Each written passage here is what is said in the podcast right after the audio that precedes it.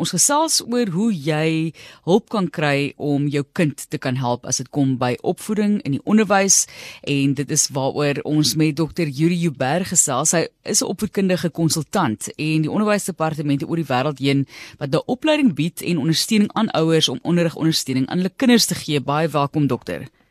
Goeiemôre Matlies. Goed, ek weet nie hoekom ek altyd aan hierdie voorbeeld dink nie, dokter Uberg, maar ek jy weet ek het ek ek weet nie hoe ouers te doen om weer vir kinders met wiskunde byvoorbeeld te help nie. Jy weet ek dink net by self 'n ouer moet gaan sit en 'n kind deur hulle wiskunde werk en hulle wiskunde oefeninge uh neem byvoorbeeld by die huis en veral nou met die pandemie nog meer betrokke raak by daai opvoeding en ek weet nie hoe hulle dit hoe hulle dit doen om dit te onthou wat jy op skool gedoen het byvoorbeeld nie. Ek weet dis dalk nou 'n meer gekompliseerde vak as uh, as 'n vak waar daar gestudeer moet word, maar op so 'n manier probeer mense darm nou vir die ouers help om daai onderrig by die huis vir die kind te kan bied? Nee, ek dink jy slaan die spyker op die kop. Ek weet ook nie hoe jy iemand kan help as jy nie weet waarmee nie. Dit is om 'n om 'n om 'n om 'n motorwerkerkundige se werk te doen, maar jy weet hoe die masjien van die kar werk. So ek en uh, Nico wat die wat 'n artikel in die koerant geskryf het, het uh, het het nou oor 'n lang tyd werk saam saamgewerk oor dit So daar is in die wêreld baie navorsing oor gedoen. Veral nou met die inperking het die probleme baie duidelik uitgehop. En dit wys ook as navorsing wys in die wêreld dat as ouer betrokkenheid gehoog kan word en is reg, dan gaan jy dood eenvoudig die kind se akademiese prestasies verbeter. Ja. En uh, Nico, Nico het byvoorbeeld sy doktorsgraad gedoen waar hy met ongeletterde ouers gewerk het om hulle kinders op akademiese gebied te verbeter en reuse sukses behaal. Uh ek en hy het 'n projek vir naas vir die Wolkskool gedoen waar waar terugvoering baie duidelik wys het dat die ouers wil graag help maar hulle weet nie hoe om te help nie. So die oplossing lê dood eenvoudig dat die skool die onderwyser die ouers oor 'n lang tydperk moet oplei en dan kan die ouers help. Help beteken nie dat ouers kinders huiswerk doen. Dis eenvoudig verkeerde goed wat daar gedoen moet word. So dis 'n proses wat aan die gang gesit moet word. Maar ons weet as onderwysers as ouers oplei word, is dit 'n reuse bate. En en ons sien dit dat 'n kind 12 jaar op skool is en hierdie opleiding en ondersteuning is dan 'n is dan 'n 'n lang langtermynbelegging te skole. Kom ons gesels nou oor die aanlyn komplikasies. Dit maak dit nog moeiliker en jy sê hulle was eenvoudig net nie voorberei om op so 'n manier skool te loop nie. Ja, ek kan nie lelik daaroor wees nie, maar uh, dit is heel iets anderste en daar word geweldig baie vrae gevra of aanlyn sien die, die die probleem is dat die onderwyser in die skool se pedagogiek oor hoe hy onderrig moet huis toe gaan. Die ouer moet dit verstaan, laat die ouer die kind kan help. En en, en dis wat nou nie gebeur het nie. Eh, eh, dit was eintlik vir ons baie vreemd om mense op televisie en radio te hoor hoe hoe hulle nou onderwysers geword het. En ouers is nie onderwysers nie.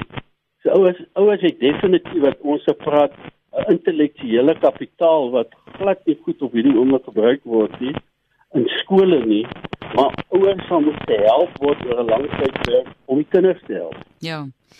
So kom ons gesels dan vinnig oor daardie komplikasies, die probleme wat jy gesien voorkom het of spruit uit hierdie situasie van ouers wat nou gedwing word om aanlyn te werk sonder dat hulle voorberei is. Die skooliere moet aanlyn skool en klas en opvoeding ontvang. Wat was van die grootste probleme wat ontstaan het volgens jou? Wel dit hang af hoe oud die kind is, né? Nee, as jy ja, as jy ja. as, as hy as hy klein is, dan wil hy sy juffrou sien.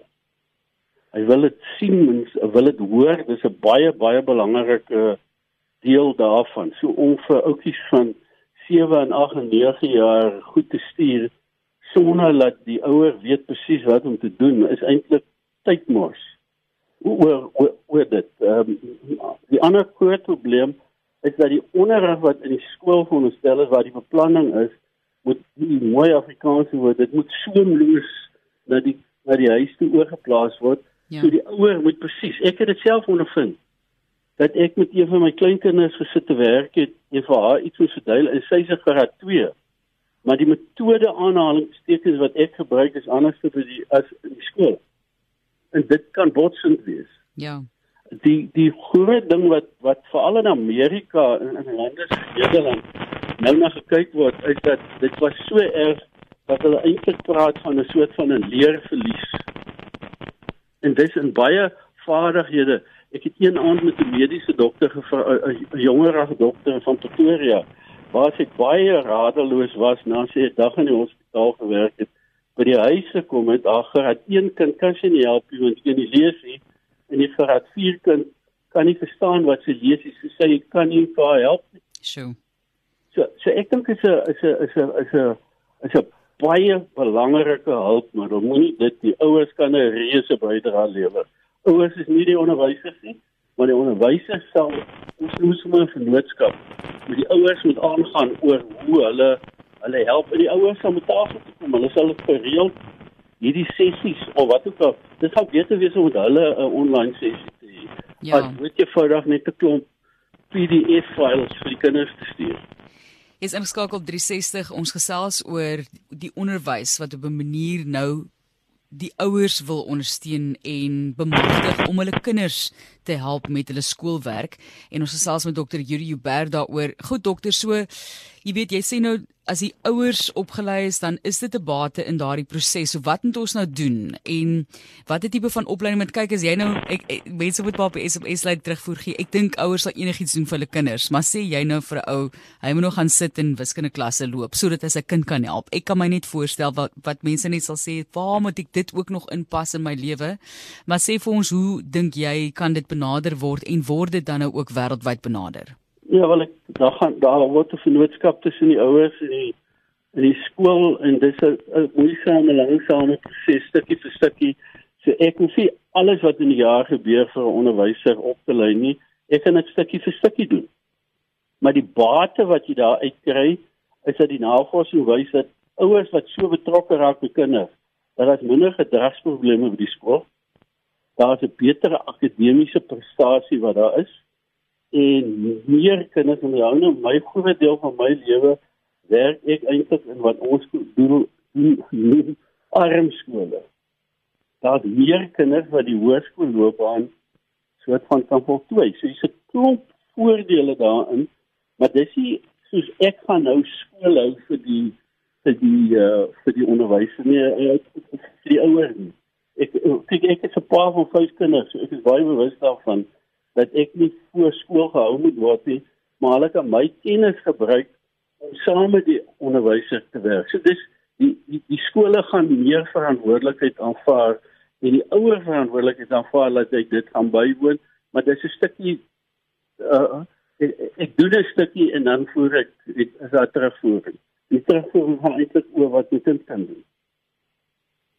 So ons gaan nou kyk na daardie oplossings en kom ons kyk wat gebeur volgens jou. Wat is die voordele wanneer ouens ouers dan direk betrokke raak by die akademiese kant van 'n kind se lewe? Want goed, gewoonlik is dit het jy jou huiswerk gedoen? Ja, ma, nee ma, hoe dit ook al sê. Uh, dit was baie kere al wat al vlak waar ouers regtig betrokke was. So wat dink jy is die voordeel wanneer ouers direk betrokke raak? Goed, daar is baie ouers wat baie betrokke by skole is, nee. Ek meen jy was in die Parel in skool. Jy weet hoe daai ouers betrokke is by wat in die skool aangaan. So dit is nie dat ouers nie betrokke wil wees nie, maar hulle kan nie by skole betrokke raak as die onderwysers hulle nie in 'n soort van 'n georganiseerde vennootskap doen nie. En en dit is nie 'n klassikale onderrig wat moet plaasvind nie, maar om die probleme uit te wys waarna hulle moet kyk met die kinders ek sê nou weer dis ongelooflik belangrik dat die ouer toesig hou dat die kind sekere tyd van die dag werk. Kom noem 'n voorbeeld. As elke kind net 15 minute lees, dan gaan die leesprobleme wat een van ons groot probleme in ons skole is, gaan in 'n groot mate kan verdwyn. En daarvoor kan 'n ouer dood eenvoudig sorg. So dit is nie sy huiswerk wat hy doen nie, dis die kind se huiswerk. Ja. So dis hoekom ons praat van 'n vennootskap dat die skole en die ouers moet meer met mekaar kommunikeer. Ek het gesien in in werklike arm plattelandse skole hoe as jy vir hulle begin op 'n op 'n gewone selfoon en ek meen almal het omtrent selfone. As jy 'n selfoon, nie eens 'n slimfoon, het 'n boodskap gesien met jou kind moet vandag hierdie drie goed doen en hy het vandag hierdie drie goed gegaan en so te gaan sit jy 'n gesprek aan die gang. En ek dink die gesprek is geweldig belangrik dat ouers nie net so 'n ouer aande waar ouers toegespreek word nie, maar ouers kan ook begin om onderwysers online te vra. Help my met dit met, met dit. So dis 'n absolute boodskap wat wat wat moet hier gaan. I mean, dis 'n ou storie van Robin Hood. Robin Hood was suksesvol. Hoekom? Omdat hy die bout rondom hom gebruik het. En ek dink ons gebruik hierdie kennis van die ouers goed genoeg om te help. En ek kry nie ouers wat nie werklik wil help nie. Hulle moet net hulle moet net ondersteun word oor hoe hulle moet help. Ja. Net vinnig laastens die skole se verantwoordelikheid? Wel, ek dink die die die die, die skole sal moet gaan kyk dat as hulle begin onderrig gee dat hulle onderrig noem na die pedagogiek van so 'n aard is dat jy dit na die na die huis toe kan oopblaas ook. Dis nie net nou met die ouer kyk dat dit nie goed onthou nie. Dis dis 'n hele ander manier wat jy dan moet werk. Maar ek dink die groot verantwoordelikheid is dat dat skole en soos ek hulle ken, is hulle meerderheid skole baie bereid om te wil help. En hulle wil die kinders help. Moet dood eenvoudig die verantwoordelikheid aanvaar dat hulle oor 'n lang tyd met ouers uh, onderrig situasies sal soort van instand hou in skool.